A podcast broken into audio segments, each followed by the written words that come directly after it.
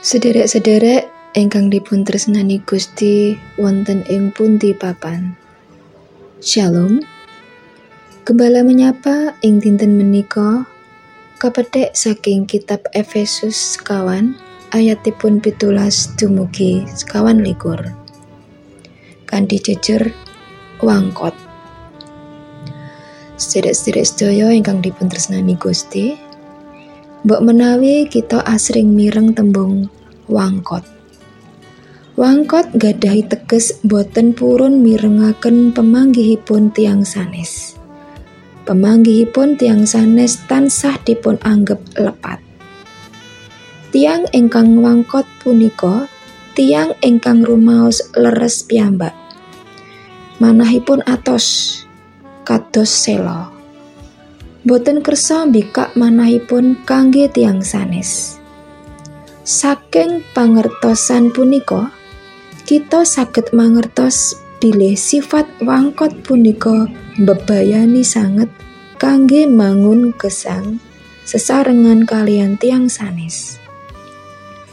Sederek-sederek sedaya ingkang ditresnani Gusti, manungsa punika kasebat makhluk sosial. inggih punika makhluk ingkang boten saged gesang piyambakan. Anggenipun ngayahi lan nglampahi gesang betahaken sesami. Mila saking punika pasrawungan kalian tiang sanes kedah dipun jagi. Punapa ingkang badhe kelampahan menawi sifat wangkot punika nguasai diri kita? Pasrawungan kita kalian tiang sanes boten badhe saged sae lan saged dawah ing cerah.